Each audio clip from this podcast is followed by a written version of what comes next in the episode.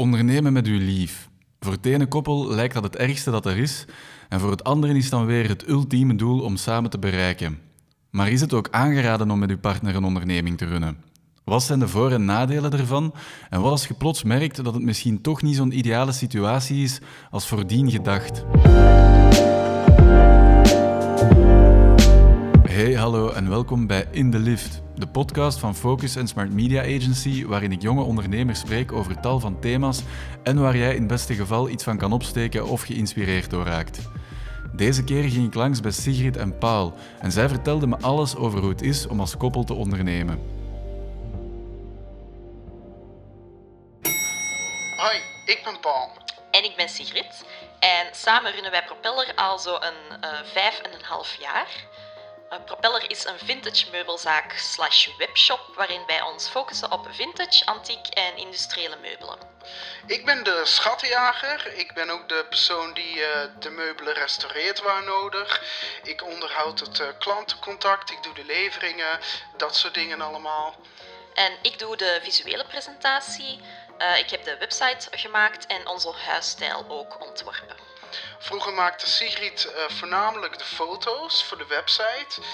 Eh, maar sinds kort is ze bezig met haar eigen fotografiezaak en eh, doe ik dat eh, ook erbij. Ik ben zelf dus ook huwelijksfotograaf en Paul helpt mij hier eh, vaak bij als assistent, second shooter en ook als chauffeur. Hallo, dag, eh, dag Sigrid en Paul. Hallo. En, welkom bij deze dertiende aflevering van onze podcast In de Lift.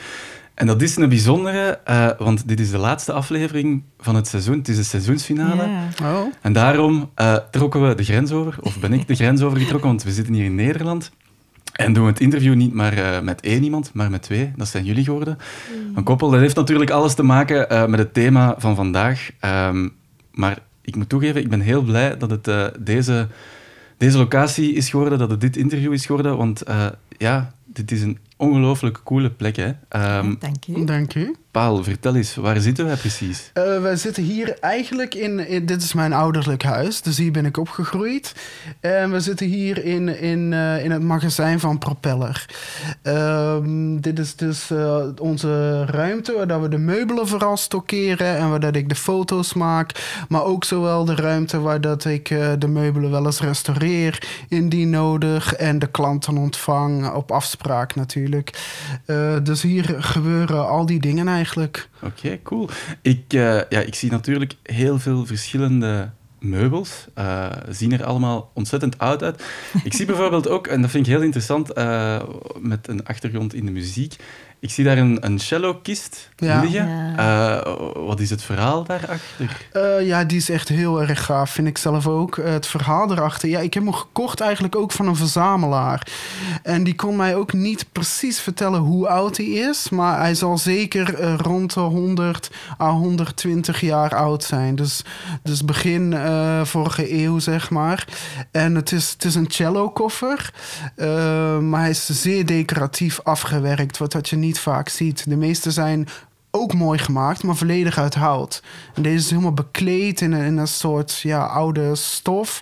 En met messing details die heel sierlijk, echt allemaal ook met de hand zijn, eh, zijn vormgegeven. En dat maakt zo'n item natuurlijk wel heel, heel bijzonder. ja, Eh, absoluut. absoluut. ja. Sigrid, heb jij een idee van hoeveel stukken er hier in totaal staan of Oh, liggen? jee. Nee, echt niet. En, en, en dat verandert ook echt om de haverklap. De ene keer kom je de ruimte binnen en dan hebben wij bijvoorbeeld een heel goede week gehad en dan is het eigenlijk heel erg leeg. En dan de volgende keer hebben wij een levering gehad en dan kun je gewoon geen stap zetten zonder dat je ergens tegen aanstoot. Ah ja, want vandaag, eh, we hebben een tafel verschoven, Ja. moesten we toch eerst heel wat stoelen en eh, ja. tafels En, en, en kasten verschuiven. Vandaag staat het eh, redelijk vol, denk ik dan. Ja, hè? het kan voller. Het kan voller. Eh, Ik vind het nog redelijk oké eigenlijk. Ik, vond het, ik was blij dat je vandaag kwam. Van vandaag is het eh, presentabel. Hè. Goed, goed vol, maar niet te vol, zodat we echt letterlijk nergens heen kunnen. ja, ja, dat is waar. Ehm, heeft elk meubel of elk stuk ook, ook een verhaal?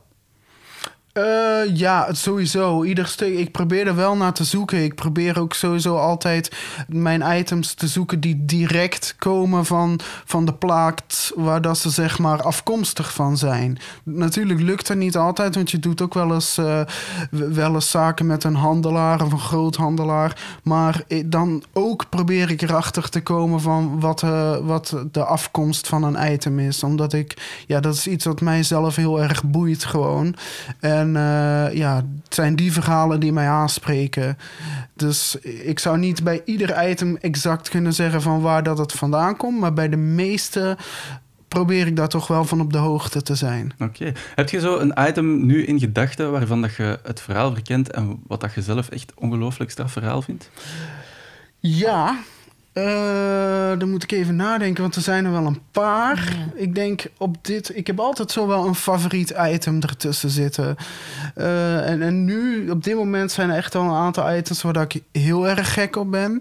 Um, het item wat dat mij op dit moment het meeste aanspreekt, is denk ik de zetel uit 1930. Dat is een zetel, ja, het is een beetje in de Franse stijl. Het is heel erg sierlijk.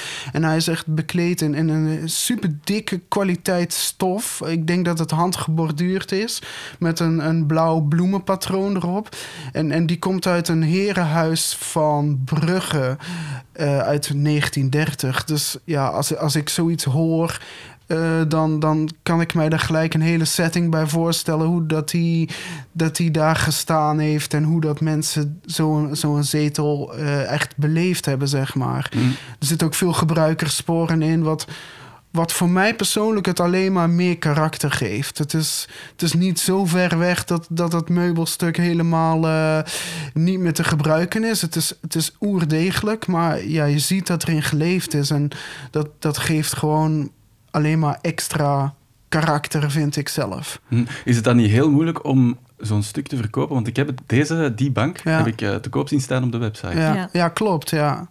Ja, dit specifieke item is inderdaad redelijk moeilijk te verkopen. Omdat het is een heel uitgesproken item. Het is niet iets zoals een Chesterfield bijvoorbeeld... die iedereen wel bij zich binnen kan, kan zien staan. Het is, het is echt een heel apart item. En die zijn inderdaad moeilijker te verkopen. Um, Kijk, commercieel gezien is dat, is dat niet altijd uh, het meest aantrekkelijke, zeg maar. Maar ja, ik word gewoon verliefd op zo'n item en, en ik moet die dan, zeg maar, een nieuwe thuis geven. En dan heb ik het, het allerliefste dat iemand, dat, dat zo'n item naar iemand gaat die er even verliefd is als, als ik. Uh, en dat ik er dan misschien wat minder snel vanaf ben of misschien iets minder op verdien. Dat is voor mij het belangrijkste. Dat, dat, dat die passie dat die, dat die voortgaat. En... Ja, ja, want dat je dan zo niet zelf, aangezien dat je er dan zelf zo verliefd op wordt, heel veel items die dat je, ja, die dat je zelf heel moeilijk vindt om, om te verkopen, dat je daar echt een, een band mee hebt. Ja, ik ben zelf al ooit letterlijk voor een kast gesprongen toen dat die binnenkwam en ik zei van mij.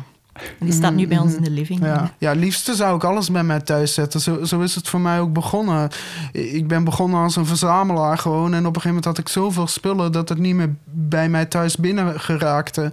Dus dan moesten de dingen weg. En, en, en het is eigenlijk echt zoals mensen vaak zeggen, maar dat is letterlijk voor mij zo een uit de hand gelopen hobby of passie eigenlijk. En uh, ja, in principe ieder stuk zou ik bij mezelf binnen kunnen zetten.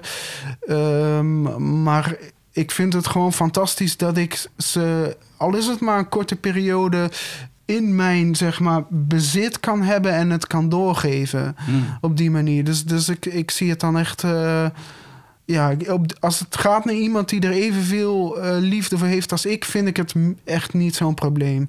Okay. Dan kan ik weer op naar het volgende. Oké. Okay. Sigrid, zitten jullie hier eigenlijk vaak? Ja, uh, vooral Paul zit hier veel. Um, ik vroeger ook.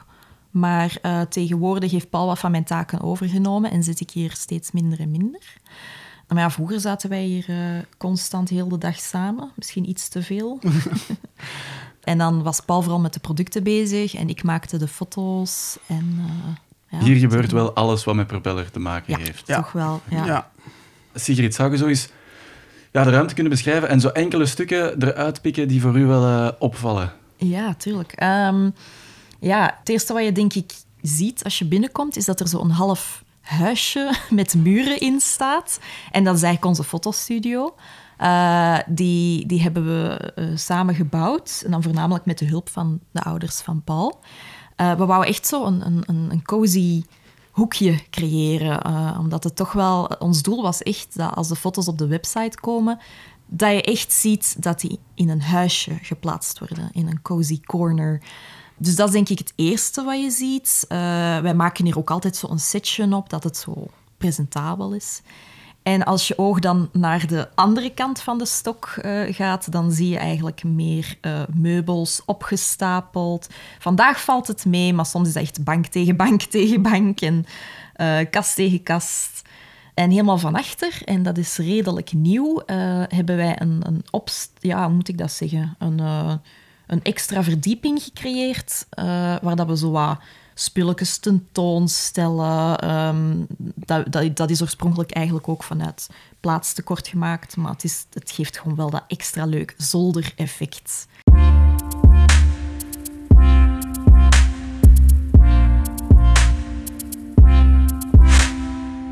Paul, uh, wat doen jullie precies met, met Propeller? Um, ja, het is eigenlijk voornamelijk het, het, het verkopen van meubelen. En daar komt natuurlijk veel meer bij, bij kijken. Want uh, ja, het, het, hele proces gaat van de inkoop tot uh, het, soms het uh, laten restaureren of het zelf restaureren. En het opknappen tot de fotografie. Wat ook een zeer belangrijk onderdeel is van wat wij doen. En dan, dan is het de presentatie richting de klant. En dan is het eigenlijk de, de opdracht om er een goede klant voor te vinden. En dat is eigenlijk een beetje samen samengevat uh, wat dat er gebeurt. Dat zijn heel veel verschillende uh, taken eigenlijk. Sigrid, wie doet wat dan precies uh, momenteel binnen, binnen Propeller? Momenteel doet Paul steeds meer en meer. Dus in het begin was het vooral Paul die dan... Hij is altijd de schattenjager. Dat is zijn hoofdjob, dat is ook zijn passie. Eh, restaureren, leveringen doet hij ook, klantencontact, dat soort gedoe. Um, ik deed vooral in het begin de website. De, ja, ik ben ook fotograaf van opleiding, hij ook. Dus ik deed de fotografie. Uh, de, de, ja, ik heb heel bedacht... Ik wou echt zo'n een Instagram-pagina waardige websites, dat je, dat je gewoon aangetrokken voelt tot die stijl. En ik heb ook gemerkt dat dat echt heeft gewerkt. Ik zie ook heel veel mensen ons dat stilaan nadoen. You know who you are. En... Uh, nee, maar dus... dat is een zeer belangrijk onderdeel, vind ik, van wat wij eigenlijk gecreëerd hebben. Is, is wat dat jij uh, met het visuele hebt gedaan. En, en uh, het zorgt er echt voor hoe dat Sigrid dat allemaal in beeld heeft gebracht, maar ook ontworpen. Want ik maak nu wel vaak de foto's, maar het komt wel uit haar, het is haar concept. Zij heeft het ontworpen en bedacht. En um, het zorgt er gewoon voor dat dat mensen zowel van of je nu van, van een stad van 50 kilometer verderop of dat je nu aan de andere kant van Nederland of misschien zelfs aan de andere kant van de wereld onze website bezoekt. Je, je weet wat dat je hebt en, en mensen winnen daardoor een, een bepaald vertrouwen en, en, en bestellen dan toch iets zonder eh, ze kunnen komen kijken, maar er wordt vaak genoeg ook iets besteld dat het gewoon gezegd wordt: ja, laat maar leveren, waar het ook is. Dus en, en dat, dat is wel de kracht van die visuele presentatie. Ja, hm. ik, ik vind dat we ons daarin wel uh, onderscheiden van onze concurrentie. Van in het begin af hebben wij altijd gezorgd dat onze foto's super duidelijk zijn, dat alles erop staat, ook zeker de foute dingen. Er zijn heel veel handelaren die natuurlijk hun product zo mooi mogelijk presenteren. Voor ons was het heel belangrijk dat je exact krijgt wat, dat je, wat dat je ziet. En, en daar heb ik dan mijn werk van gemaakt. Ja, dat is iets waar je altijd zeer, uh, zeer stipt en zeer, zeer streng op bent geweest om dat, uh, om dat helder te hebben. Ja, want als we daar, daar even op ingaan, op die, op die foto's, hoe, um, hoe zorg je er als fotograaf voor dat het unieke van zo'n stuk goed in beeld wordt gebracht? Goh, de meeste meubels op zich zijn gewoon knalfotogeniek. Meestal heb je niet echt iets nodig. Wat dat ik wel merkte uh, in het begin dat wij dit deden, dan was dat allemaal nog een beetje nieuw. En heel veel mensen begrijpen dat niet, dat je zeg maar een, een half verroeste kast eh, online zet. En eh, dan moet je dat een beetje presenteren. Dus dan zet je daar een kadertje bij of een plantje. En eh, dan zien mensen het concept al wat beter. Ik heb het gevoel dat dat nu niet meer zo nodig is. Die hype is, is, is, is veel groter geworden. Veel, veel meer mensen doen dat nu. Uh, maar wij vinden dat ook gewoon nog altijd wel leuk, gewoon, om daar echt zo dat huisje van te maken. Is er eigenlijk veel vraag naar, naar spullen als, als dit? Ja. Ja, voor, vooral uh, toch wel het industriële is echt wel is echt wel iets waar veel vraag naar is, merk ik. Ik vind het zelf heel mooi om te zien, maar ik probeer. Eh, we begonnen er vijf jaar geleden mee, toen was dat al vrij populair. En, en het, dat is het nog altijd zo. Maar persoonlijk ben ik een klein beetje uitgekeken op de standaard. Eh, de gewone doorsnee lokkerkast zul je niet bij mij meer vinden. Ik probeer dan toch altijd wel het in een unieke kleur of toch dan ook weer te zoeken naar iets dat zo mooi is verweerd dat het gewoon apart is. Maar daar is wel een zeer grote vraag naar. Dat blijft. De, de, leren zetels, de Chesterfields is iets dat ook altijd wel, wel in trek blijft. Maar dat is ja, van moment tot moment verschilt dat ook wel een beetje. Mm. Uh, ik zal, zal zeggen, het, hetgene wat het meest in trek is bij ons zijn toch wel de industriële meubelen. Ja, hoe komt dat volgens u, Sigrid, dat er zoveel vraag naar is tegenwoordig, naar zo'n oude spullen? Goh, ik denk, wat ik daar juist al zei, van, het is een beetje een wegwerpmaatschappij en mensen hebben daar ook stilaan genoeg van. Ik zit ook in heel veel Facebookgroepen met mensen die proberen eh, zonder flessen shampoo te gebruiken of zonder zakjes, geen plastic meer. Mensen hebben daar genoeg van. Dat wegwerpen, de, de signalen zijn duidelijk. Onze planeet is, is er niet zo goed aan toe. En ik denk dat gewoon die producten herbruiken een hele goede manier is om, om dat oude te eren en, en, en dat te herbruiken. Ja, dat ze weer een kast bespaart, dat ze weer een, een, een, een boom niet omgehakt of zo. Ehm, ik heb ook heel vaak uh, discussies met mensen op het internet. Ik draag zelf graag bontjassen. Uh, Fake of echt bont, maar altijd tweedehands. Hè. Ik ben absoluut tegen ik vind dat je nu geen dieren meer mocht uh, afmaken. Absoluut niet. Maar een oude bontjas kopen, dat is heel dik, warm en kwaliteitsvol. En dan een nieuwe jas bestellen van plastic gemaakt uit China, is zoveel slechter voor het milieu. Daar wordt iemand voor onderbetaald. Daar wordt uh, superveel water voor gebruikt, plastic. En, en, en de, de gassen die vrijkomen als ze die dingen smaken. En als jij nu gewoon die oude meubelen herbruikt, dan zou de wereld er zoveel beter aan toe zijn. Hmm. Laat ons eens even uh, teruggaan naar, naar het begin. Um, hoe is het allemaal begonnen voor jullie met Propeller? Ja, het is eigenlijk, uh, zoals, zoals ik eerder al zei, het is voor mij echt begonnen vanuit, uh, vanuit een passie voor, voor, uh, voor oude meubelen, voor, voor decoratieve objecten ook zeker. En ja, ik was er altijd al mee bezig. Ik ben altijd al dingen aan het verzamelen geweest. Maar natuurlijk, naarmate je een beetje ouder wordt en iets meer geld begint te krijgen, dan, dan breidt je verzameling zich uit. En op een gegeven moment was die was die gewoon zo groot dat ik, dat ik de plaats er niet meer voor had. En, uh, en ja, we waren toen de tijd, dat is denk ik een, zes jaar geleden, waren we ook aan het zoeken of dat we niet samen een appartement konden huren. En jij, jij had al een inboedel, ik had al een inboedel. Dus toen kwamen er nog meer spullen eigenlijk die, die, die niet pasten, zeg maar. En op een gegeven moment moesten die ook gewoon de deur uit. En, en ik, ben, ik ben zo. Uh, ja, na mijn studie fotografie ben ik eigenlijk uh, voornamelijk aan het uh, bezig geweest met, met mijn verzameling uit te sorteren en te kijken wat er weg mocht. Het, tijdens dat ik uh, zelf aan het solliciteren was, wat, wat als fotograaf niet echt heel vlot verliep. Dat is, is, niet zo vanzelfsprekend om daar direct een, een job in te vinden.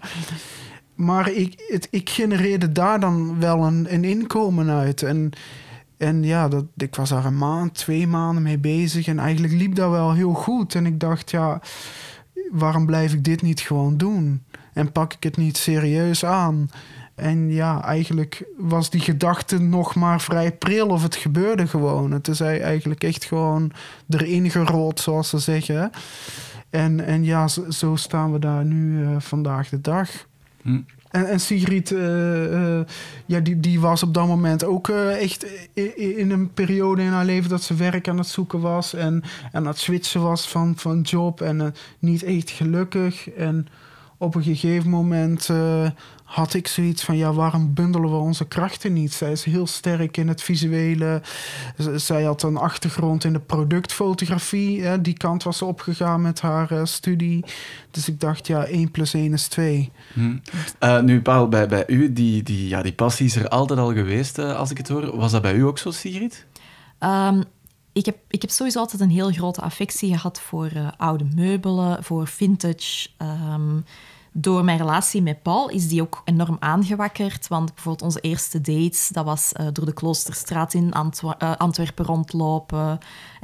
Voor degenen die Antwerpen niet zo goed kennen, de Kloosterstraat is echt zo het centrum van oude meubels, van vintage, van antiek. Prachtige straat, zeker naartoe gaan. En ik was zelf, op dat moment had ik net een appartementje gehuurd. En eh, ik was zelf ook op zoek. Ik had allemaal, van mijn kot had ik IKEA-meubelen gekocht. En ik was die allemaal aan het verkopen. En ik was echt op zoek naar oude meubelen. Ik had ook zo'n oud appartement. Dus dat zat er wel in, ja. ja. Ah ja, dat, dat is ook wel leuk om te vertellen misschien. Dat, dat, jij was inderdaad op zoek op een gegeven moment voor je eigen appartement, Oh, ja. naar nieuwe meubeltjes. En, en, want wij kenden elkaar van school, maar onze studie was gedaan. En eh, ja, dat kun jij misschien best vertellen hoe dat we toen terug opnieuw in contact Ja, met elkaar zijn gekomen. Ja, we hebben, na school hebben we elkaar eventjes niet gezien. En op een gegeven moment, ik, was, eh, ik had net zo'n oud bureau gekocht, echt zo helemaal schuiven en zo. En ik wou daar echt ook zo'n oude schrijversstoel bij hebben. En eh, Paul had op zijn Facebook, hij was zo al wat meubeltjes aan het verkopen en had zo'n stoel online gezet. En ik dacht, oké, eh, hallo, ik wil deze stoel van je kopen. En eh, stiekem was ik ook nog altijd wel een beetje eh, een kleine crush op hem. dus ik dacht, ja, twee vliegen in één klap. Klap.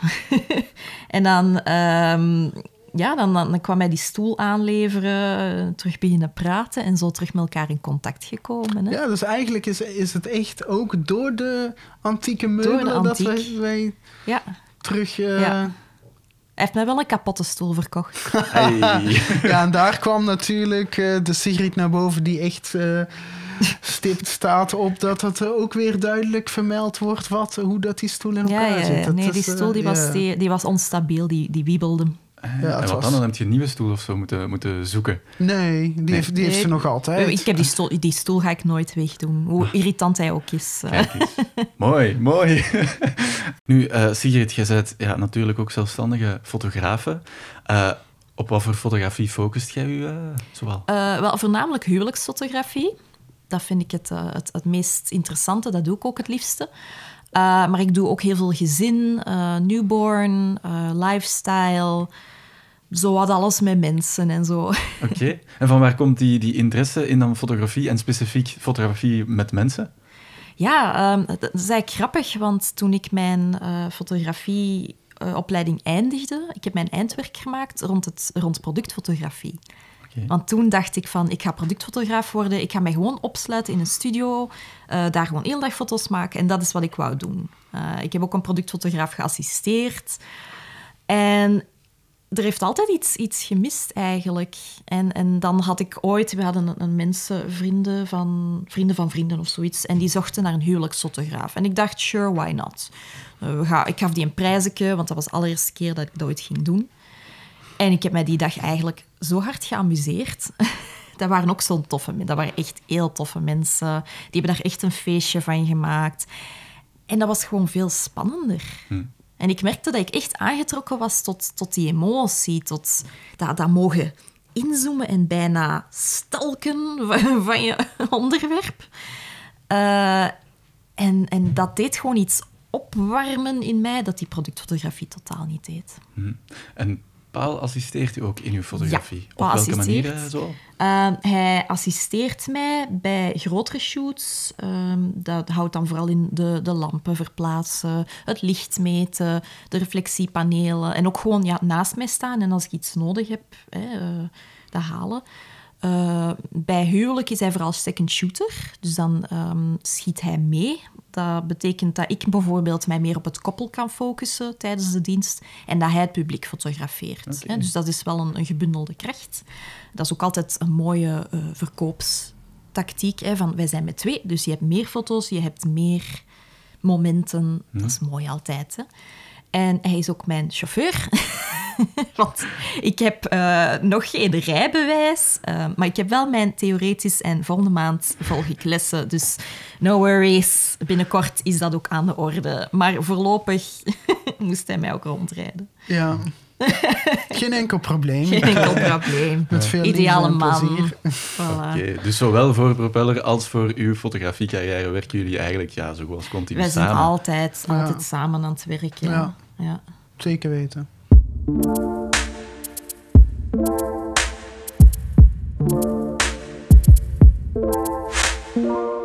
Dan, dan zijn we gekomen bij de korte, de korte vragenronde. Ik ga jullie uh, een paar korte vragen voorschotelen. Uh, en we zien wel welk antwoord dat we krijgen.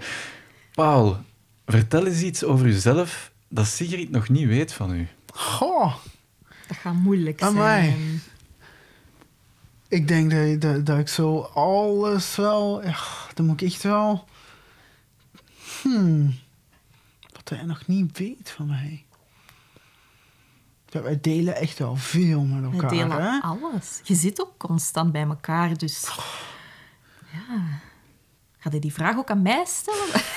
Je voelt hem al komen, hè? Ja, dat schiet me zo echt niets te binnen. En, en omgekeerd? Is er iets dat Paul nog niet van u weet, Sigrid? Ah, Jesus. Um, nee. Um,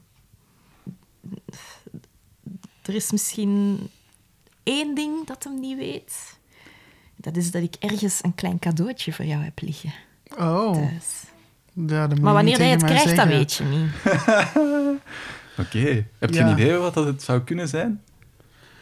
Nee, geen flauw idee. Sigrid, is er een stuk dat hier staat waarvan dat jij echt niet kunt bevatten dat Paul er zo zot van is? Ik heb dat wel vaker. Eh, momenteel ehm, eigenlijk weinig. Heel vaak zijn wij het niet eens. Ik heb ook al meubels eruit gekozen die dan achteraf ook niet bleken te verkopen. Dus ik vertrouw meer op hem dan op mezelf. Eh, Ja, zo die stoeltjes. Hè. Ik heb ooit van die Ja, Victoriaanse oh, die, lage Ja, ik- eh, slipper chairs noemen ze dat. Die, Ja, die die zijn zo wat, lijkt op een Romeinse stoel, maar dat heeft er niks mee te maken. Zo'n soort lounge stoel met een felblauwe dat, dat, dat was de aankoop waar ik het minst mee bekleding met bloemenpatronen erop. Ik moet zeggen...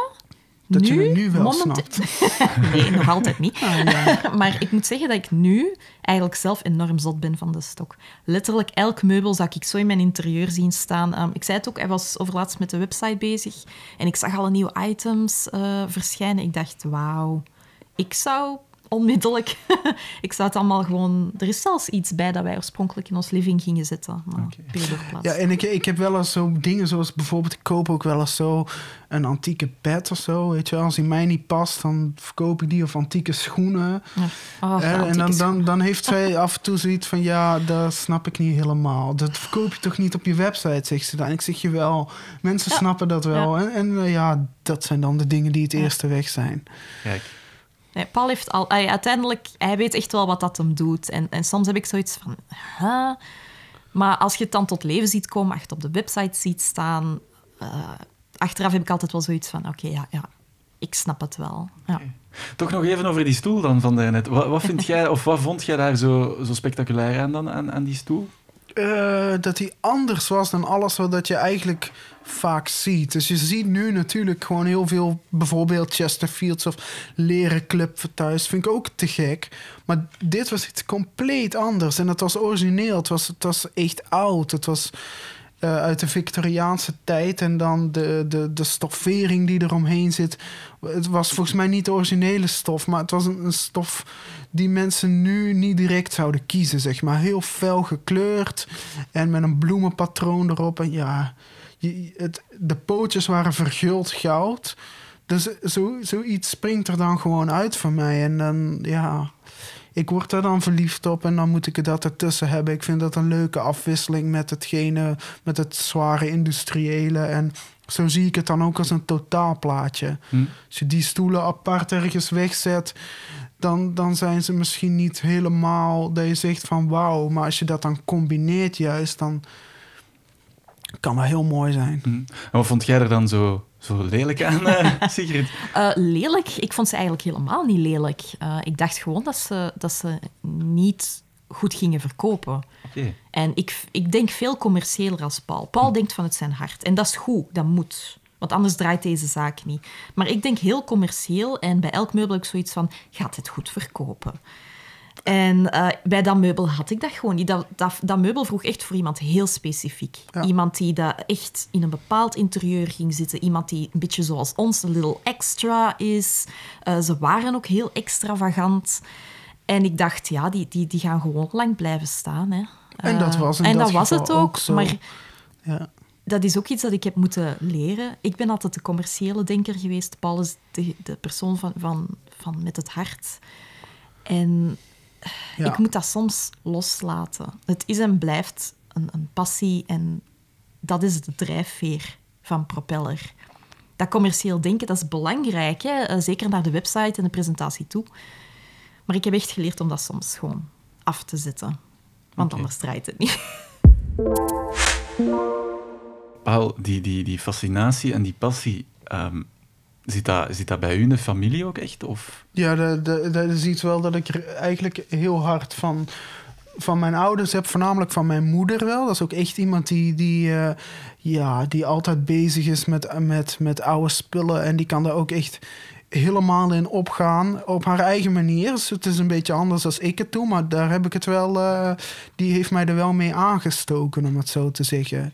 En, en eh, ja, ik doe dat weer, weer anders. Zij snapt niet alle dingen die ik koop. Maar eh, ze, ze begrijpt het wel, zeg maar, op die manier. En, en daar heb ik zeker heel veel eh, ook van overgekregen. En, en mijn vader, die is ook al... Die is heel handig. Dus die maakt heel veel dingen.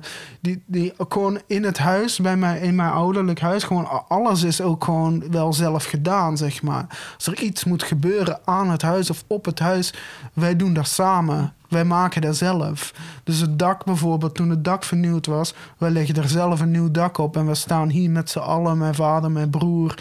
En, en, en nog mensen, weet je, uit de familie of zo. Dus we, we zijn echt wel een familie die, die eigenlijk op dat vlak echt wel alles samen doen.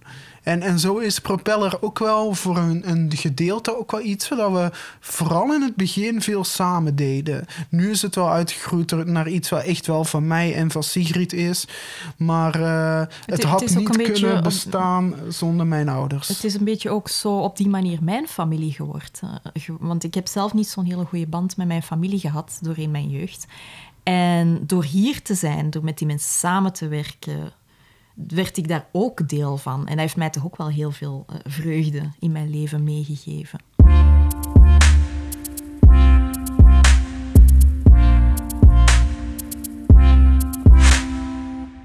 Ja, Paul en Sigrid, eh, of Sigrid en Paul, jullie zijn natuurlijk een koppel. Eh, jullie hebben Propeller ook samen opgericht. En ik ga gewoon met de deur in huis vallen.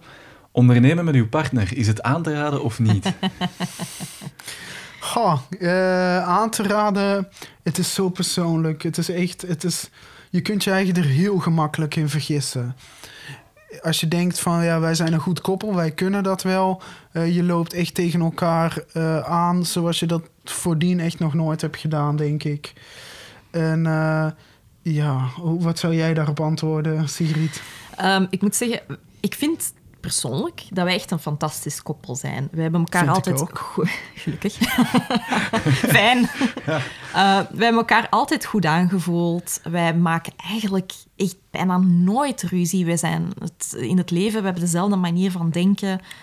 Totdat we begonnen ondernemen samen. Eh, ik moet zeggen, het is, het, we hebben elkaar...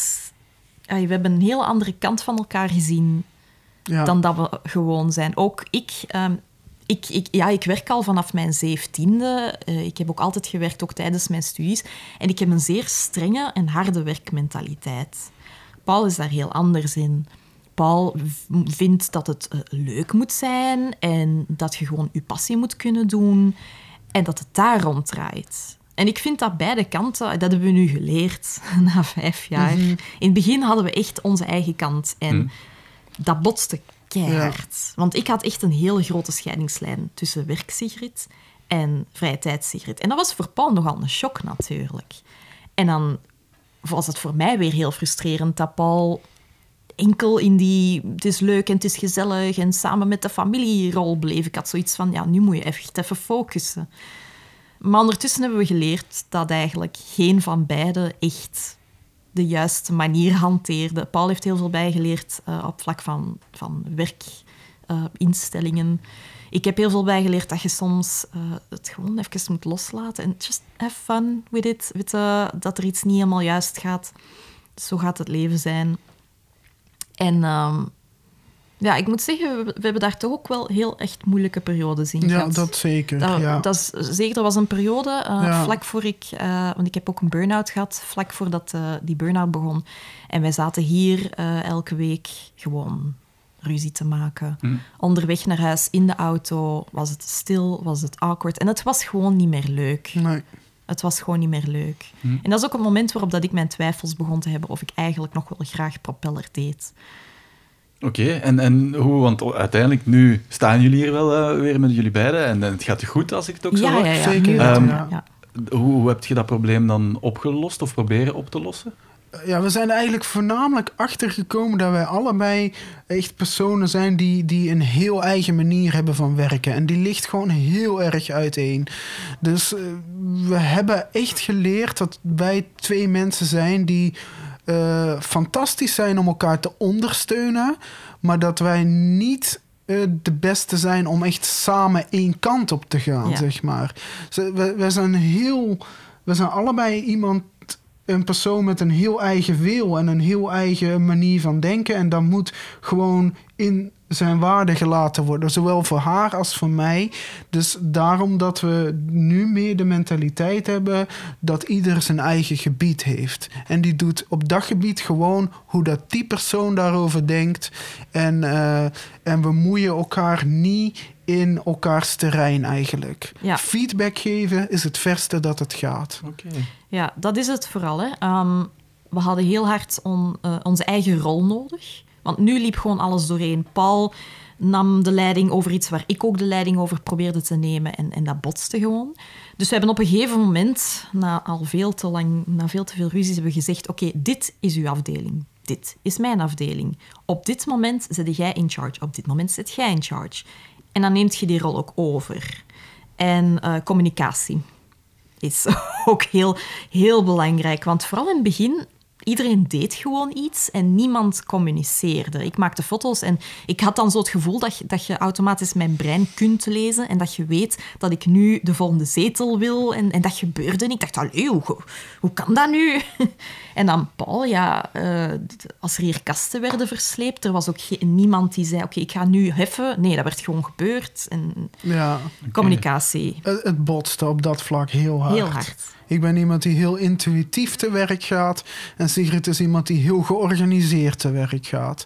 En, en, en ja, dat botst gewoon als je tegen mij zegt van... oké, we gaan dit schema volgen. Ja. Dat- ja nee, dat, Dat is, ook werkt wel, niet. dat is het probleem tussen ons. Wij zijn allebei iemand dat als je er tegen zegt van doe dit, dat we juist het omgekeerde gaan doen. Allebei zijn wij zo. ja, toch wel, ja. ja. Dus op werkvlak is, zorgt dat voor veel problemen. Ja, Ehm, nee, maar in het begin...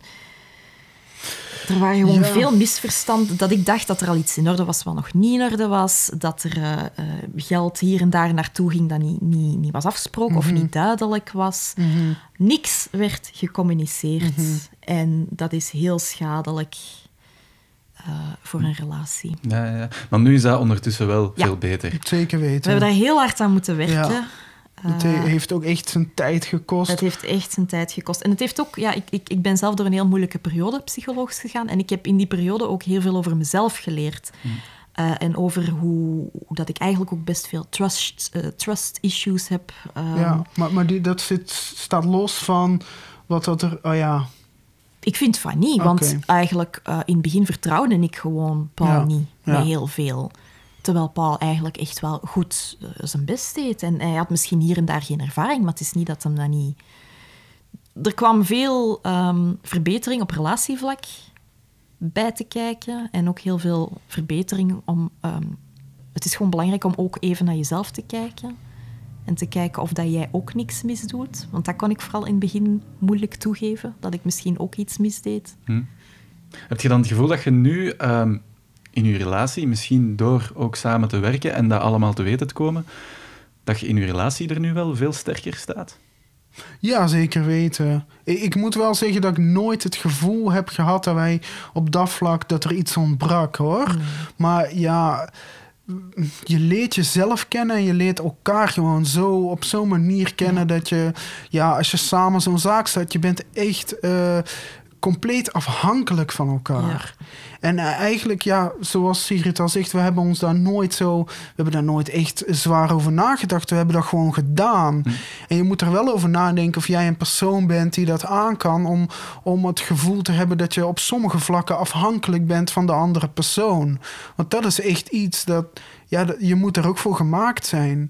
Je kunt al een relatie hebben, maar normaal gezien, je hebt gewoon jouw eigen job normaal gezien als je naar je werk gaat en je doet daar je ding. Maar je bent dan afhankelijk van je collega's, maar nu ben je ineens op die manier afhankelijk van je partner. En dat is niet altijd gemakkelijk. Nee, maar als je, Eh. naar je, als je gewoon naar je werk gaat, dan kom je je collega's tegen en die Ja. irriteren je. En dan ga je naar huis en dan klaag je tegen je partner. Oh, oh, die, oh, dat. En dan is het af je chest en je bent weer in je veilige omgeving. Maar bij ons, ja, Ja. wij gingen met elkaar naar het werk. Wij irriteren elkaar op het werk. We kwamen thuis en eh, ja, de, de, de fight continues. Ja. Er is geen pauze.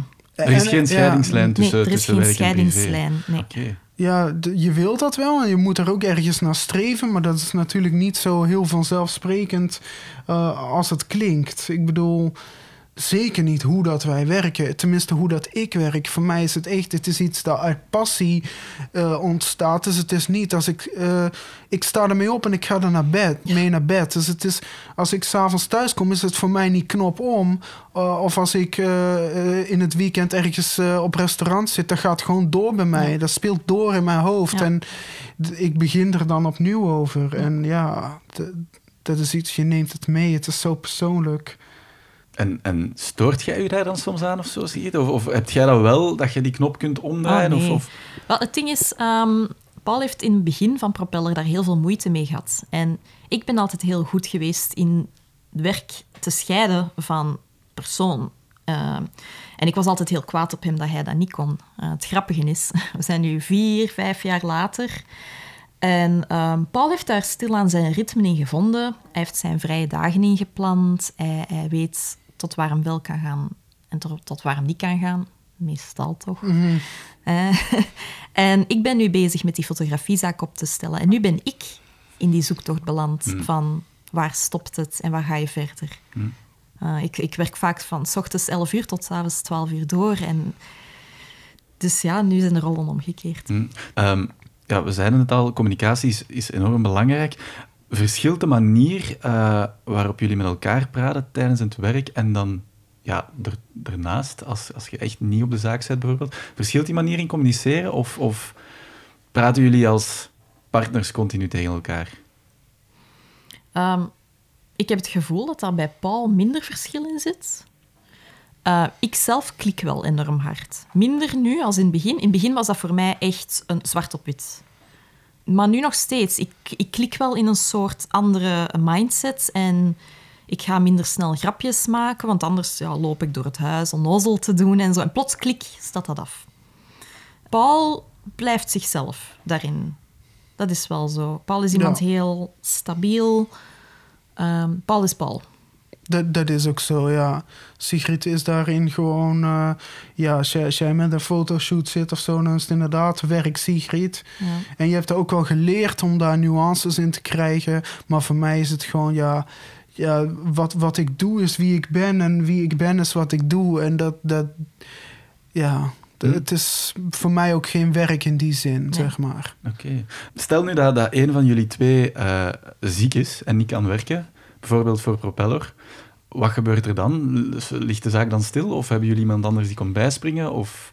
Eh, ja, eh, dat hebben we al meegemaakt, eh, in een zeer ernstige vorm zelfs. Ongeveer, wat moet ik zeggen, twee jaar dat we in propeller zaten, ben ik ziek geworden. ik, ik heb een burn-out gehad, maar eigenlijk zat er ook een depressie bij. ik heb namelijk een posttraumatische stressstoornis vanwege een paar dingen in mijn jeugd. En um, eigenlijk op een paar maand tijd, ook omdat ik zo zwart-wit was en zo streng was en, en alles moest perfect zijn en zo, ja, dat houd je niet vol. Op een paar maand tijd ben ik gewoon uitgebrand. Hm. Ik kon niks meer doen. Ik kon niet meer werken. Ik kon niet meer naar buiten. Het enige wat ik kon was heel dag in de zetel liggen en mij slecht voelen. En uh, ik hoop echt dat niemand dat ooit moet meemaken, want dat is echt de horror. Maar voor ons was dat dus wel de realiteit. En uh, het probleem is uh, ik had geen tegemoetkoming van niemand niet, omdat uh, ik werk in Nederland en ik woon in België. Dus je hebt niet in België, maar ook niet in Nederland recht op een, een, vergoeding of zo. En dat was eigenlijk dramatisch. Want Paul kwam dan plots voor alles alleen te staan op dat moment uh, deed ik nog alle, alle foto's en dit en dat. En hij moest dat dan overpakken, bovenop zijn eigen werklading. Hij kon ook emotioneel niet meer op mij, op mij, op steunen, want ja, ik was er eigenlijk gewoon niet meer. Uh, er kwamen plots ook heel veel financiële kosten bij kijken. Uh, we hebben op een gegeven moment ook... We hadden toen... We hebben een tijd lang een, een stokruimte gehad in Hulst. Die hebben wij ook moeten opzeggen. Um, dat was een heel, heel uitdagende en moeilijke periode mhm. voor ons. Want eigenlijk viel alles gewoon uiteen. Mhm. Ja, ja, dat is inderdaad een zeer... Het is letterlijk eigenlijk uh, antwoord op je vraag.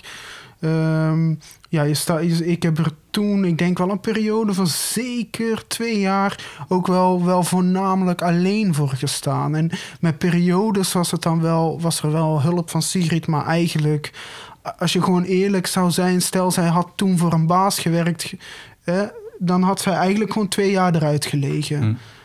Zo, heftig was het wel. Het was heel heftig. Dus, uh, en om dat als, als, als prille zelfstandige mee te maken, dat, dat, dat is niet. Uh, is eigenlijk niet te doen. Op dat eh, moment was Propeller ook nog niet, um, ja, hoe moet ik dat zeggen, volwassen genoeg. Ja, stonden echt eigenlijk nog in de kinderschoenen. We waren nog heel hard aan het ontdekken hoe dat we een bedrijf uh, laten groeien, hoe dat we onze uh, klanten willen bereiken, uh, wat voor spullen we verkopen. Daar hebben we ook allemaal heel lang naar gezocht. En Propeller was zeker niet klaar op dat moment om alleen verder te gaan. Die had veel te veel ondersteuning nodig. En het was echt gelijk een kind waar dat plots een van de ouders wegviel. Hè? Hm. Ja, zo voelde het zo ook echt, het. inderdaad. Ja. Hoe is het dan uiteindelijk ja, toch gelukt, want, want Propeller staat er vandaag de dag uh, toch maar. Ja. Dus dat wil zeggen dat die, dat die periode, dat uiteindelijk aan het einde van het verhaal zijn jullie daar toch heel positief uitgekomen. Ja, um, ik zal vooral zeggen dat Paul gewoon ongelooflijk fantastisch is geweest. Die jongen die heeft zo hard gewerkt, dat kun je niet voor mogen houden. Die heeft overdag werkte die zich kapot voor Propeller. En s'avonds zorgde die voor mij. Want ik, ik kon ook geen eten maken of niks. Uh, dus dat is echt uh, eh, 100% te danken aan Paul. En ehm, in die periode, toen ik een beetje beter begon te worden, toen hebben wij ook veel beginnen nadenken over bepaalde dingen die gewoon gezonder moesten in Propeller. Voor ons op psychologisch vlak ook. De manier waarop dat wij met geld omgingen was in het begin niet goed. Dat hebben wij allemaal gestructureerd. Ook, ja, ehm, op een gegeven moment uh, hadden wij dus, ja, psychologische ondersteuning. Dat kost allemaal veel geld. Je zit plots met een persoon minder, minder geld. Uh, we hadden ook minder investeringsbudget. Dus uh, Paul moest echt op zoek gaan naar nog steeds mooie meubels. Met echt een fractie van het investeringsbudget dat wij toen hadden. Uh, en ik denk dat sommige klanten dat misschien ook wel wat gemerkt hebben, dat de kwaliteit wat minder was. Maar die heeft dat wel gedaan. Hè? Die heeft prachtige meubels gevonden, gerestaureerd, gemaakt tot, tot volwaardige meubels. En die heeft ons zo levendig gehouden. En ik denk niet dat veel mensen hem daarna hadden gedaan. Dat is echt. Er kwam op dat, op dat moment gewoon veel meer restauratiewerk kijken, zeg maar. Dus, dus normaal gezien koop je een meubelstuk dat nagenoeg in orde is. Ja, als je, als je budget slinkt, natuurlijk, ja, dan, dan kun je die niet meer uh, veroorloven. Dus dan moet je andere dingen gaan zoeken. En dan zit daar meer werk in. Uh, al met al, het eindresultaat is dan dat je gewoon minder stok hebt. Dus ook weer minder omzet. En uh, ja, zo sukkel je gewoon naarmate dat de twee jaar verder gaan, steeds verder naar beneden. En, en het dieptepunt, ik zou ze zelf zeggen dat dat ja, vorig jaar net voor de zomer is geweest. En toen, ja, toen hebben we de, de, de huur van, de, van, de, van het magazijn stopgezet. Toen zijn we, want dit, we hadden een magazijn bij dit. Toen hebben we gewoon enkel met deze ruimte eigenlijk gedaan. En ja, vooral wat Sigrid zegt, echt gewoon, dan moet je wel efficiënt gaan werken. Als je, als je, je bent dan alleen, je hebt minder geld. Dus dan moet je echt gewoon gaan kijken van wat is nu het slimste om te doen. En, en ik ben niet heel commercieel ingesteld, maar dan moet je wel. Ja. En dat is ook wat ik eruit heb geleerd. Van ja, je moet slim met je tijd omgaan en met je geld. En, en dat, op dat moment heb ik ook echt geleerd wat mensen bedoelen met tijd is geld. Ja. Mm. Daarvoor dacht ik altijd van ja, dat is iets wat ze in films zeggen. Maar toen snapte ik het ineens. Het is als je iets koopt dat heel weinig geld kost, maar je moet er wel een maand aan werken, dan is dat object niet meer goedkoop. En, en ja, dat lijkt misschien heel vanzelfsprekend, maar ja, dat was voor mij echt wel een heel waardevolle les.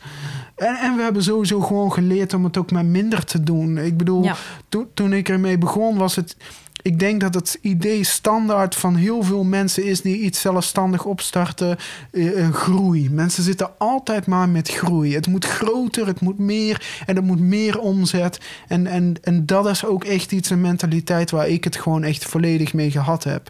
Ik heb die, die draai totaal gemaakt van daar wil ik niet voor werken. Voor mij is, is, betekent groei iets heel anders. Het hoeft voor mij niet groter en meer. En eh, het moet gewoon, de spullen die ik koop moeten gewoon beter worden. En die, ik hoef niet uh, in plaats van één Chesterfield 10 te hebben. Ik wil er dan één hebben die gewoon echt de allermooiste is die ik ooit heb gezien. En, en, en eh, ik zie nu groei en verbetering meer op die manier. En voor mij is het gewoon het ding, als ik ervan kan leven, prettig. Niet zoals we de afgelopen jaren hebben moeten doen, omdat, uh, omdat er één iemand ziek is. Maar als ik er gewoon normaal van kan leven, ben ik, ben ik content. Ik hoef er niet rijk van te worden, want, want het is gewoon de, de, de, de mensen die ik ontmoet en de meubelen en de verhalen. Dat is, dat is een vorm van geluk gewoon. Dat was trouwens ook nog een heel groot misverstand tussen mij en Paul. Ja. Ik van in het begin af aan ben in een soort ongelooflijk ondernemings... Uh, ja, drive, drive geklikt. En ik dacht groter, beter, meer. En ik kwam daar heel vaak mee in botsing met Paul. Dat lukte niet. Elke keer als ik met zo'n idee kwam, dat werd afgeketst en ik kreeg nooit echt een antwoord waarom. Maar nu, na die moeilijke periode, zijn we steeds meer erachter gekomen wat dat we eigenlijk willen. En nu blijkt het gewoon dat hij gewoon tevreden is met hoe het nu is. En in het begin had ik zoiets van, oeh, tevreden, het moet, moet beter, moet groter. Maar hij heeft dan gezegd wat dat hij nu tegen u zegt, tegen hm. mij. En ik dacht, ja, waarom, bedoel, waarom zou ik mezelf in, in een nieuwe burn-out werken als, het gewoon, als je gewoon tevreden kunt zijn met, met... Zolang je kunt overleven, hè. Waarom niet? Oké. Hoe was dat voor u, Paul, um, toen, dat, toen dat Sigrid hier dan terugkwam en mhm. je terug die, die, die, die steun of die ondersteuning mhm. kreeg, uh, wat deed dat met u? Ja, dat was een, een enorme verademing. Dat is ik wist dat wel, dat zij op een gegeven moment beter ging worden en dat dat een opluchting voor mij ging zijn. Maar ik kon me er niks bij voorstellen. Op zo'n momenten, als je het zo zwaar krijgt, kom je ook in een soort overlevingsmodus terecht. En dan, je bent gewoon enkel bezig met dat moment. Je denkt niet, je, hebt geen voorstellingsvermogen meer van hoe dat het anders zou kunnen zijn. Dus op een gegeven moment, naarmate dat moment steeds meer uh, voor begon te vallen, dat, uh, dat Sigrid weer ondersteuning bood ja, dat zorgt gewoon voor zo'n een, een gewicht van je schouders af. Dat je denkt van oké, eh, zo voelen gewoon mensen zich die prettig in hun, in de schoenen en in hun leven staan. Oh. Dan denk je ineens, ah ja, oké, dat is anders. Like. Ja, want je bent dat niet meer gewoon. Ja, ja. En, uh, Wat dat ik ook wel opmerkte is, toen dat ik pas terug begon, is dat wij nog heel vaak um, schrik hadden voor bepaalde triggers van vroeger. Dus van moment dat er al... Bijvoorbeeld, er was sowieso een ladder in, in de stok in Hulst en ik vond die niet veilig en ik begon daarover. En onmiddellijk klappen wij eigenlijk al dicht en, en beginnen we al een soort ruzie in de rol. Uh, puur vanwege die triggers van vroeger, van hoe dat het vroeger was. En dan opeens moet je zelf even herinneren van oké, er is een hele periode voorbij gegaan, we zijn niet meer zo. En dan hebben we daarover gepraat. En door heel bewust om te gaan met die oude triggers en door altijd heel bewust om te gaan met elkaar ook, hebben wij dat steeds beter en beter kunnen aanpakken. En ik heb wel echt het gevoel dat wij nu totaal anders bij elkaar op de werkvloer staan. Ja, zeker weten. Puur gewoon door die bewustwording. Ja. Hoe was dat voor u, Sigrid, om, ja, om Paul ineens terug zo te kunnen ondersteunen na die, na die zware periode? Um, ja, heel fijn. Dat was eigenlijk het enige wat ik wou. Heel de tijd dat ik ziek was, het enige wat ik wou was terug hier staan en helpen. En, en, en terug mee geld binnenbrengen en, en ons gewoon uit die periode halen. Ik ben altijd een heel verantwoordelijk persoon geweest en, en plots was ik dat niet meer en ik kon dat niet, niet aan. En ja, om gewoon hier terug naast hem te zitten, um, toen mij deugd. Hm. Echt. En ook met die fotografie nu erbij te pakken, want een propeller is super tof. Ik doe het nog altijd heel graag. Maar het is altijd wel een beetje Paul zijn ding geweest. En uh, nu kan ik ook doen wat dat ik eigenlijk heel graag wil doen in het leven. Met de steun van Paul erbij. En dat is gewoon... Ja, it's the dream, hè? Het is perfect, toch? Ja, uiteindelijk heeft het eigenlijk jullie beide carrières in de positieve zin, uh, zin vooruit geholpen. Ja. je weet niet wat dat voor dingen dat je leert tijdens zo'n periode. Je leert echt overlevingsskills die je de rest van je leven kunt toepassen. En waardoor dat je een soort super powerful, intelligent, wijs wezen wordt. En, en, en dat ook gewoon kunt toepassen op je ondernemingschap. En het was moeilijk, het was hard. Maar ik, ik denk dat wij nu gewoon zo sterk zijn. Mm en zo goed weten wat dat we willen en waar dat we aan toe zijn en wat dat we aan kunnen. En ik denk dat we dat op geen enkele andere manier hadden kunnen leren dan zo. Ik denk dat dat echt voornamelijk ook een soort van persoonlijke ontwikkeling is geweest. je leert echt keihard jezelf kennen en je partner ook daarbij. En, en het is dan altijd gewoon nog maar de vraag, want je ontwikkelt je. En het is altijd maar de vraag of dat je natuurlijk uh, je ontwikkelt op zo'n manier dat je nog bij elkaar past. Want daar hebben we ook vaak tegen elkaar gezegd, dat is nu gebeurd. Maar het had even goed kunnen zijn dat wij ons echt gewoon los van elkaar oh, hadden ontwikkeld. Dat zij een heel andere richting op had gegaan in haar leven. Dat had ook gekund. En ja, het zet veel in gang uh, om, om, samen te ondernemen, zeg maar. Het is, uh, er komt, uh, het, het is een avontuur in je leven. Het is een avontuur. Ja, er kan van alles gebeuren. Niet, niet ontevreden van nee, de beslissing. zeker niet.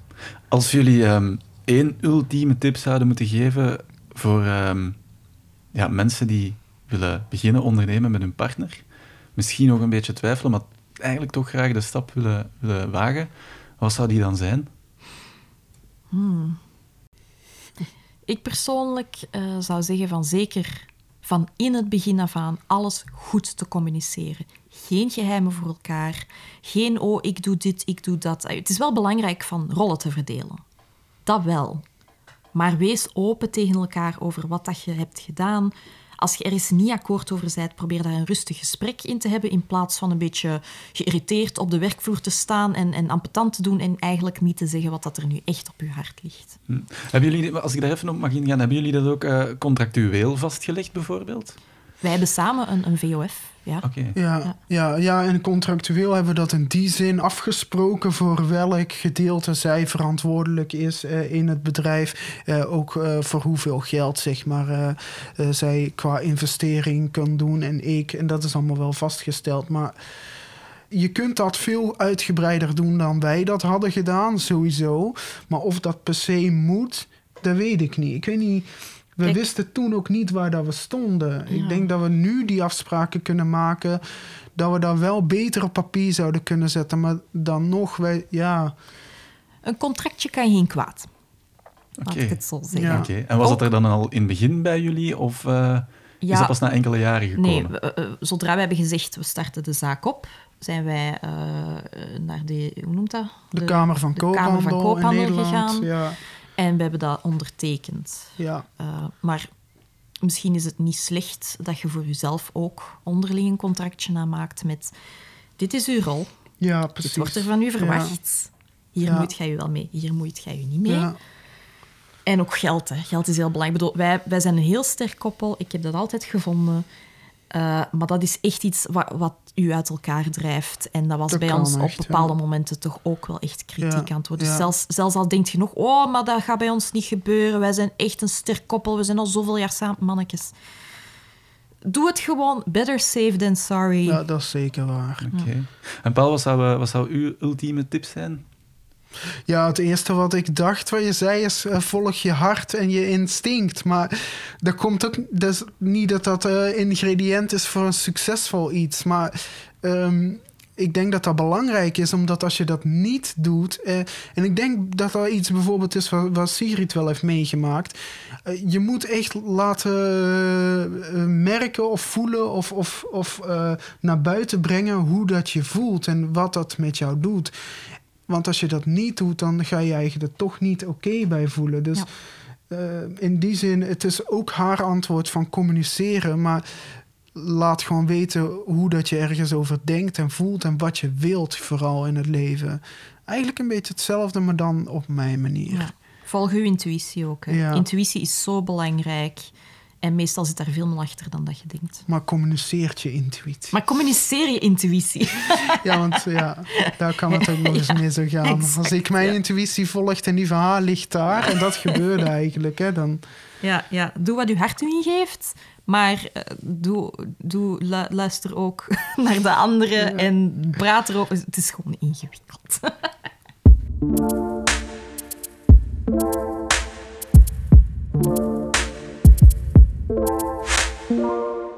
Paul, ik vraag me af, ehm, uw gsm, is dat dan ook zo een van de eerste modellen die er ooit gemaakt zijn? Of is dat wel iets modern? Ja, dat is eigenlijk een heel goeie, want ik heb daar eigenlijk al sinds eh, jaren een discussie over. Ja. Dat ik daar, ik ben, ik zeg altijd, ik wil zo graag terug in Nokia 3310. Ah, ja, ja. Alleen ik zit ook wel natuurlijk, ik- je zit met Instagram en mails beantwoorden en eh, ik wil daar zo graag eigenlijk om gewoon dat niet te doen, maar ik zit nog heel hard te twijfelen. Het is toch handig als je een reactie krijgt en je kunt even snel antwoorden, maar ergens heb ik ook zoiets van ja, ik wil dat niet. Ik wil gewoon Weet je, als ik eh, voor mijn computer zit om mails te beantwoorden, dan beantwoord ik. Dat, dat wil ik. Maar ja, we leven in een tijd waar dat, dat natuurlijk.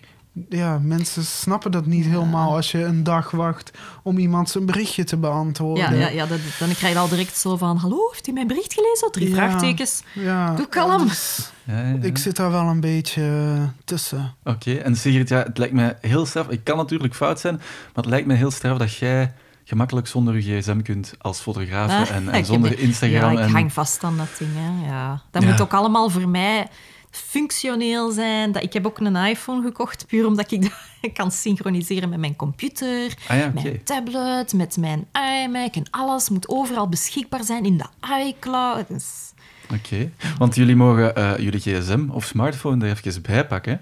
Eh, Ik om... niet. eh, Oké, eh, ligt Zie, hij dat is dus onmiddellijk Ja, voilà, maar dat, beve- dat bevestigt eh, het verhaal wel. Ligt hij ergens in de buurt? Eh, ik moet hem even gaan zoeken. Ik denk dat hij in de keuken ligt. Oké, want ik wil heel graag Ja. van jullie te weten komen welke apps dat jullie eh, dagelijks gebruiken Ja, om jullie leven als Oh ondernemer eh, iets efficiënter Ja. te laten verlopen. Oh, dat Dus, weet ik je zo ook al te vertellen. Oké, oké. Je hebt misschien niet zoveel apps op je, op je gsm staan, ook niet? Eh, ja, de- twee gsm's trouwens. Allebei half kapot. Ja, ook waar. Eh, apps die ik gebruik, ja, het, sowieso Instagram gebruik ik wel. Ja, ik ook, Dat ja. is niet iets wat ik graag doe, maar het is wel iets dat ik doe. Eh, maar mijn apps die ik het meest gebruik zijn eh, de apps waar dat advertenties op staan. Daar zit ik eigenlijk, als ik op mijn telefoon zit, 9 op de 10 keer zit ik daarop. Ja, en een mailbox. Hè. Ja, dan, als ik dan een mail zie binnenkomen, dan ga ik naar mijn computer meestal wel hoor. Dat vind ik vervelend om op mijn gsm te doen. Ja, maar, Paul, Paul vindt dat eigenlijk niet tof. ja, En, eh, wat zijn apps waar de advertenties op staan? ja, Want- van advertentiesites, bijvoorbeeld eh, Marktplaats of Tweedehands. Ah, of, zo, tuurlijk, eh, tuurlijk. Ja, ja, ja, Marketplace ja. of Facebook. Ik was even aan het denken aan apps waar dat dan continu spam op verschijnt. Ik dacht, Oh, nee, nee, nee, nee, nee. logisch, logisch, inderdaad. niet, Advertenties. nee. In die zin. ja. Ja, zoek, zoekertjes eh, Ja. zijn. Ja, ja, ja. Nee, oké. Nee, nee, nee, nou, dat, eh, die mogen zo ver mogelijk wegblijven. Ja, ja, precies. Eh, en bij u, Sigrid, is er zo'n app waar dat jij Wacht, echt een half niet uur? zonder Eh, kunt? nee. Eh, waar ik echt niet zonder kan. Ja? Mijn, mijn herinneringen-app van mijn iPhone zelf. Daar organiseer ik alles in. Zeg, de hele dag lang zit ik eh herinnering van doe dit nog, doe dat nog. En dan heb ik iets gedaan, dan kunnen dat afkruisen. En dan heb ik weer iets nieuws. En dat synchroniseert zich ook met mijn computer. Dus dat is mijn belangrijkste app. Want ja, het leven van een ondernemer is zo chaotisch. En je kunt onmogelijk alles bijhouden. Er is altijd iets te doen. En dus zet ik dat daarin. Oké. Ja, ik weet niet. Ik vind het een verschrikkelijk ding, die smartphone. ik zou het liefst gewoon... Ik heb ook gewoon letterlijk nog een, eh, een, een antiek kastboek gekocht. Een blanco om mijn eh, boekhouding in te doen. En een, nog? o- een oude agenda's, eh, weet je, oude notitieboekjes. Nee, ik vind het... Maar ik gebruik het wel soms. Dat is wel, maar... Maar je vindt het heel jammer eigenlijk om... Het voelt een moet. beetje zoals een blok aan mijn been. Ja, Ja, ja, ja. Ja. ja. Ik mag dat ook elke dag horen. Nou En ja. dan... eh, ja, is er, is er... Als je er nog één zou moeten uitpikken, Nog eh, één, Sigrid. ja. Hmm. Verras ons. Ja, met een e-mail, hè. Eh, ah, nee, sorry. Eh, ik heb een, eh, een boekingsprogramma, dat heet Studio Ninja. Dat is wel voor mijn fotografie vooral. Dat heeft eigenlijk weinig met propeller te maken. Maar dat maakt niet uit. Maar daar hou ik al mijn klanten in bij, al mijn betalingen, al mijn facturen, alles, alles, notities, eh, planningen, agenda's. Dat is eigenlijk voor mijn zaak mijn belangrijkste app. En hoe heet die weer? Studio Ninja. Studio Ninja. Ja, er staat ook letterlijk een ninja Als logootje. als logootje. Dus eh, heel veel fotografen zullen dat wel kennen. Ja, magisch. Magisch.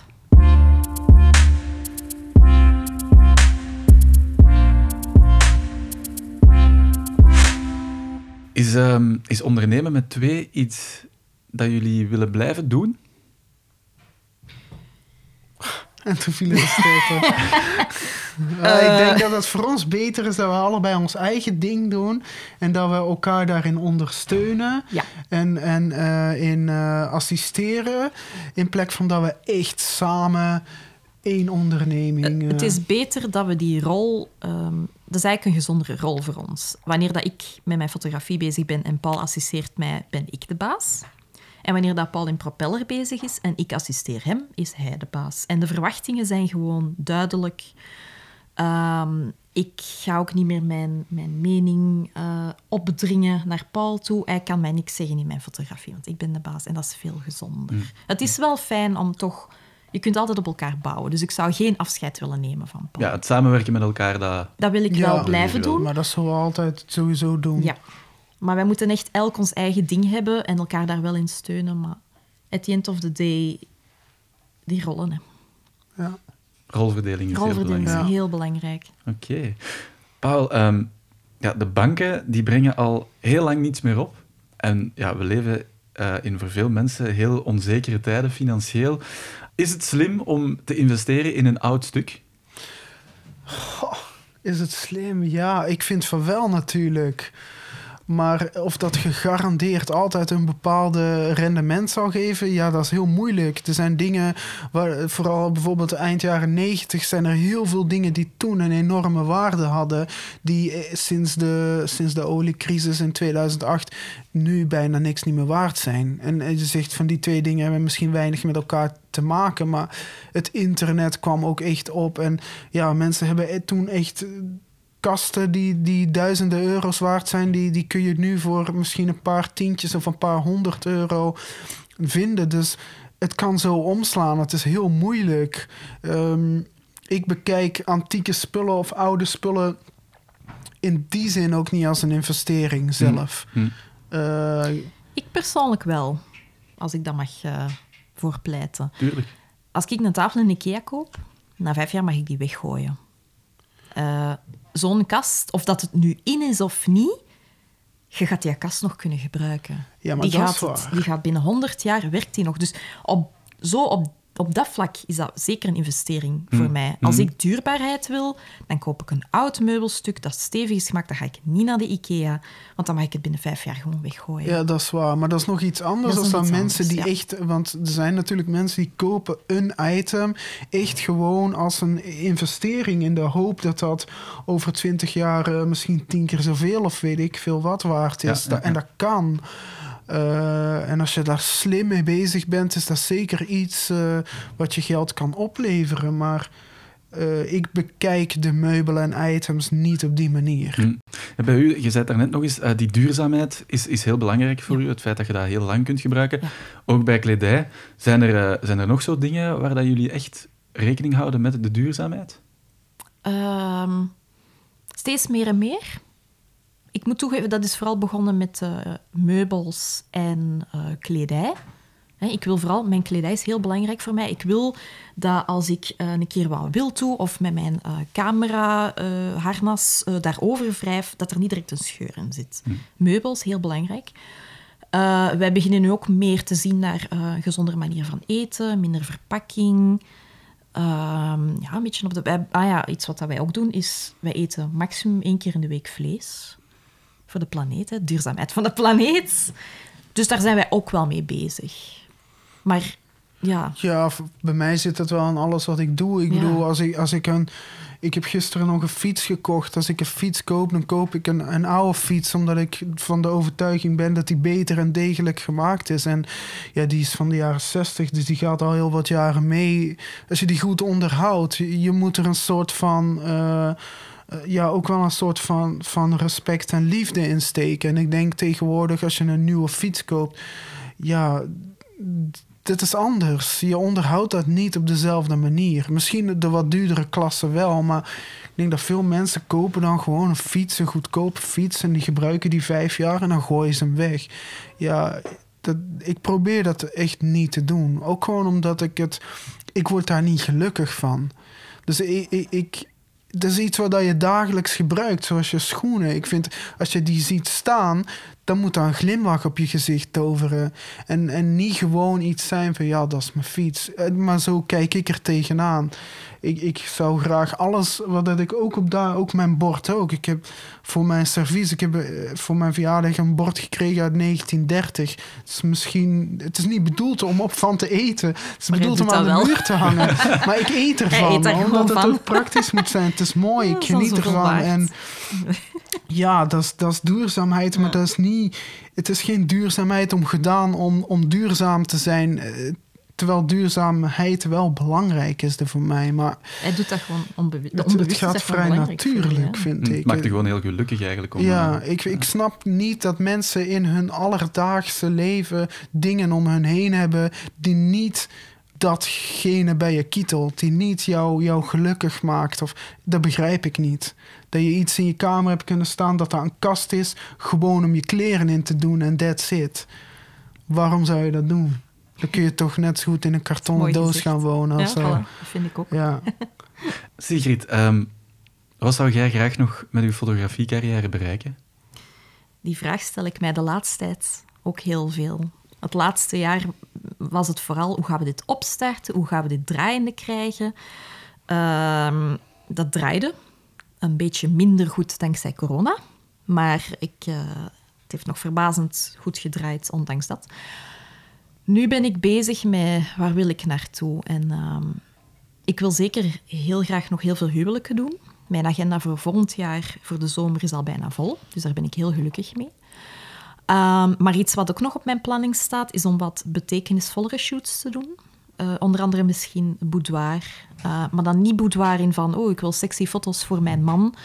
Maar boudoir van, kijk, ik ben mooi. Ik ben een prachtige vrouw. Ik mag er wezen. Deze foto's zijn voor mij.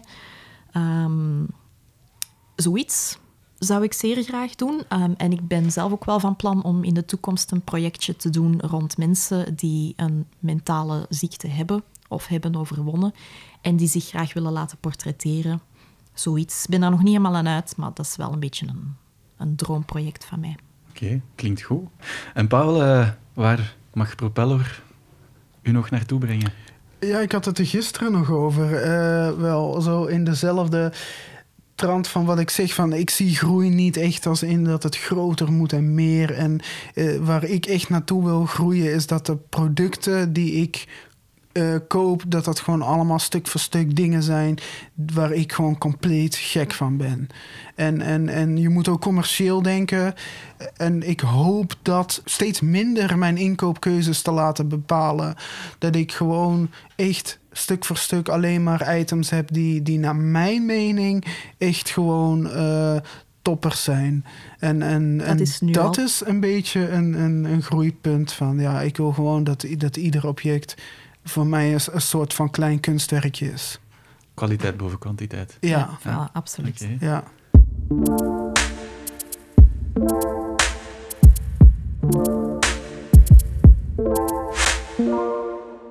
Sigrid en Paul, uh, ik heb jullie gevraagd om een quote of een advies of een anekdote mee te brengen naar dit gesprek waar dat jullie allebei waarde aan hechten.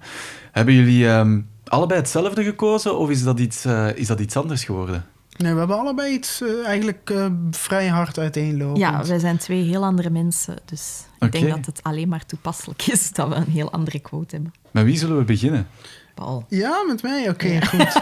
dus mijn quote, dat is een quote van... Uh, dat komt uit The Moments. Dat is eigenlijk iets waar Sigrid helemaal fan van is. Ik heb dat via haar leren kennen. Dat is eigenlijk dat is mijn obsessie. Ja, een Finse schrijfster die dat heeft gemaakt.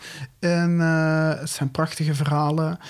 En er is een quote in van het hoofdpersonage en die luidt als volgt: uh, I only want to live in peace, plant potatoes and dream. En dat beschrijft heel goed hoe dat ik in het leven sta of in het leven wil staan. Ik wil gewoon mijn ding doen en in vrede kunnen leven en, en daarvan dromen en genieten. En, en dan ben ik content. Oké, en je hebt die quote via Sigrid leren kennen. Wanneer was dat dan ongeveer? Uh, ik denk toen wij voor de eerste keer in Finland waren, uh, of de tweede keer, we hebben toen heel veel opgezocht over de schrijfster. En ik ben die boeken ook gaan lezen. En ik denk een jaar of anderhalf, twee jaar geleden. Iets ja. langer misschien. Ja, ik lees die boeken al van mijn acht jaar. En uh, ik ben daar zeer grote fan van. Als je bij mij thuis komt, je ziet ook overal Moomin-figuurtjes. Onze vrienden weten dat. dat is echt mijn, mijn ding. En het grappige is dat Paul inderdaad ook die boeken is beginnen lezen en heeft mij, mij mee naar de series gekeken en zo. En, en, wat heel leuk is voor mij natuurlijk. Want ik ken het, ik ken het niet. Uh, nee. Um, is het... Is het uh, zal ik eens een afbeelding tonen? Ja, en, en is het een, een soort van... Want het, het is met, met bijzondere mannetjes, als ik u ja, hoor zeggen. het heet Moomins. Moomins. En uh, dat is heel veel mensen zeggen, ah ja... Ja, ja, ja, jawel. Ziet het? Ik ken ja, ja, ze. ja. Uh, uh, hoe zou ik het beschrijven? Uh, een soort witte nijlpaardachtige... ja, ja, zoiets. Oké, ja. oké. Okay, okay, ja. Ik denk inderdaad, als de mensen het gaan opzoeken, gaan ze het... ja, ja. Zoek het, gewoon op herkennen. en je denkt direct, ah, oké. Okay. Ja, okay. maar, maar, bij het lezen van die quote had ik wel zoiets... Ja, dat is echt... past helemaal bij mij. En ja, daar voel ik me gewoon wel echt thuis bij. Oké, okay, leuk. Uh, Sigrid, wat is uw quote? Ik heb er een gekozen van Pippi Langkous, ook uh, van die regio. Um, Pippi zegt, ik heb het nog nooit gedaan, dus ik denk wel dat ik het kan. Ja, ja. ja redelijk bekend. Ja, ja klopt. Um, die quote, ja, het is eigenlijk... Uh, voor die moeilijke periode in mijn leven dacht ik echt van, dat is niet weggelegd voor mij. Dat ga ik niet kunnen. Ik ben daar niet goed genoeg voor. Waarom zouden ze mij boeken als ze die andere fotograaf kunnen boeken? Ik heb heel hard gewerkt aan mijn zelfvertrouwen en aan mijn zelfbeeld. En uh, ik, ik ben daar 180 graden in gedraaid. Op dit moment heb ik zoiets van, waarom niet? En, en bijvoorbeeld elke keer als iemand met een nieuw soort fotoconcept uh, afkomt, dan denk ik, ja, is goed, ik ga dat proberen. En, en ik, denk wel, ik denk wel dat mij dat moet lukken en zo. En ja, soms valt het tegen, soms valt het mee, maar en ook gewoon heel dat concept van ondernemen. Um, met Paul ben ik daar gewoon een beetje ingerold. Uh, maar met mijn fotografie ben ik daar zeer bewust mee bezig. En natuurlijk, iedereen die gaat ondernemen denkt: oh, ga ik dat wel kunnen? En ik had direct zoiets van: weet je wat, Allee, ik bedoel, ik denk wel dat ik het kan. Ik had het al gedaan, maar ik denk wel dat ik dat kan. Gewoon ervoor gaan.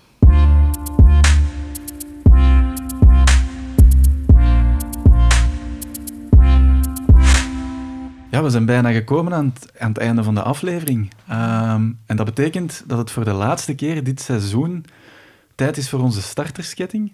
Want een heel seizoen lang heeft elke gast een, eh, een vraag te horen gekregen die gesteld werd door de vorige gast.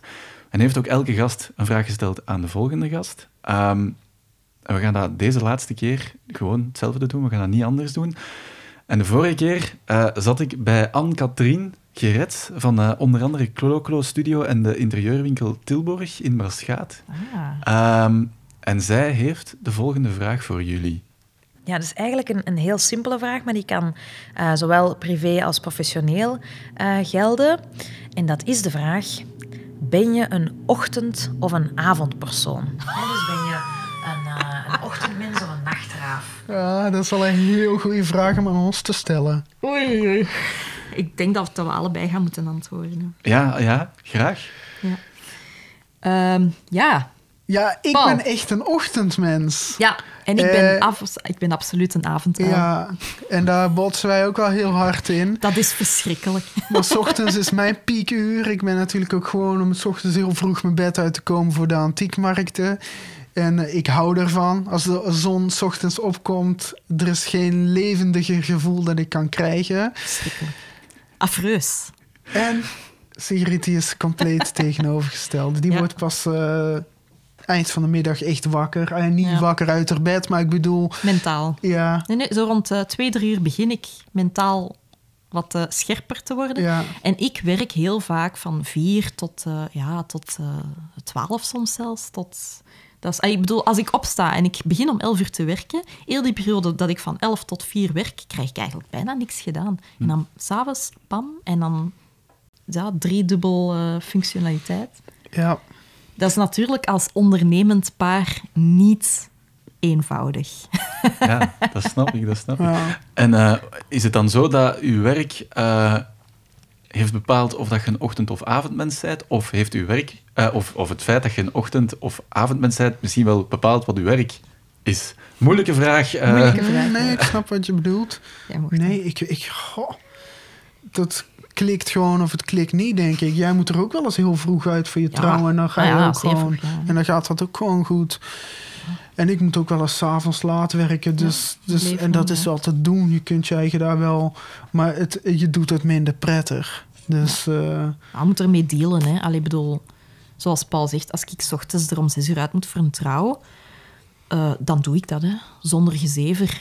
Eh, maar eh, als wij zo samen dingen moeten bespreken voor de zaak, dat is het grootste probleem. Ja. Want Ja. s ochtends zeg ik, laat me met rust. Paul zegt s'avonds, laat me met rust. En wij moeten zo ergens zo een, een, een momentje vinden in de middag dat we even kunnen bellen. Of, of als we samen zitten, dat we samen kunnen zitten. En er is zo'n een small, tiny time gap waarin dat dan mogelijk dat is. mogelijk is. Ja, dat is niet makkelijk. Oké, voilà.